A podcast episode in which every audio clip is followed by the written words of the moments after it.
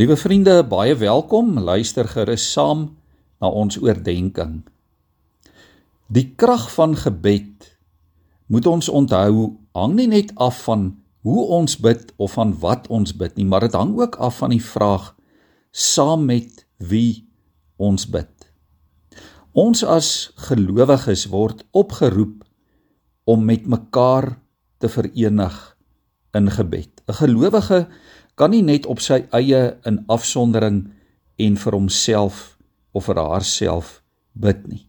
In die bekende onsse Vader gebed wat Jesus vir ons geleer het, weet ons kom die woord ons dikwels voor. As ons bid ons Vader, dan bely ons daarmee ons is deel van 'n geloofsfamilie. Ons is deel van die een kerk van Jesus Christus. Ons behoort aan die gemeente van God hier op aarde. En ons staan saam voor God. Om saam met ander te bid en te luister voor God neutraliseer ook die selfsugtige eie ek in my eie lewe. Ja, om saam met ander te bid en te vra en te luister, help my om God se wil beter te verstaan. Jy en ek raak so maklik ingesuig deur ons eie begeertes en ons eie emosies en dan hoor ons so dikwels net dit wat ons wil hoor. En dan vra ons ook net dit wat ons dink nodig is om te vra. Maar as ons dit saam met ander medegelowiges doen, dan help ons mekaar om die groter prentjie raak te sien. Dan help ons mekaar om ook ons eie motiewe raak te sien en in die oë te kyk en om ander se behoeftes in ag te neem.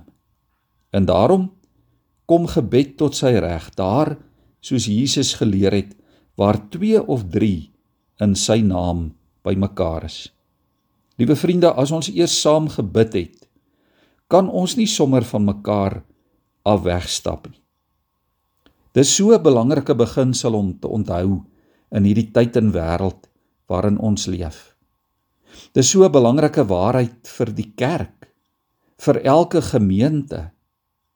Ja, as ons eers saam met mekaar gebid het, kan ons nie sommer saam kan ons nie sommer van mekaar af wegloop nie. Hoe wonderlik is dit vir kleinkinders om 'n oupa en 'n ouma te hoor bid. Hoe wonderlik is dit vir ons eie kinders om om hulle ouers vir pa en ma te sien kniel en te hoor bid. Hoe wonderlik is dit as werkgewers en werknemers saam bid. Ja, daar kom wysheid, daar kom insig as gelowiges saam geluister het na die woord van God en dit met mekaar gedeel het. Ook deur saam te aanbid. Jesus het ons ook geleer bid. Hy het gesê: "Julle moet vra, gee ons vandag ons daaglikse brood." En daarmee, liewe vriende, dit wat ek vir myself vra, moet ek ook vir ander gun. Want dit wat ek het, is net genade. En daarom mag ek dit nie selfsugtig net vir myself gebruik nie. Dit was ook wat die 4de eeuse kerkvader Gregorius geskryf het.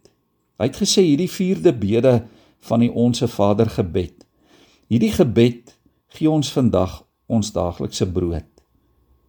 Dit maan ons, dit dring ons tot eenvoud en mededeelsaamheid.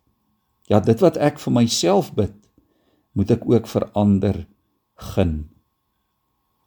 As God vir ons behoeftes sorg, dan dring dit ons ook om te sorg vir die behoeftes van ons medemens dan dring dit ons om na mekaar te luister, om ons harte met mekaar te deel en om saam te kniel in gebed voor die Here.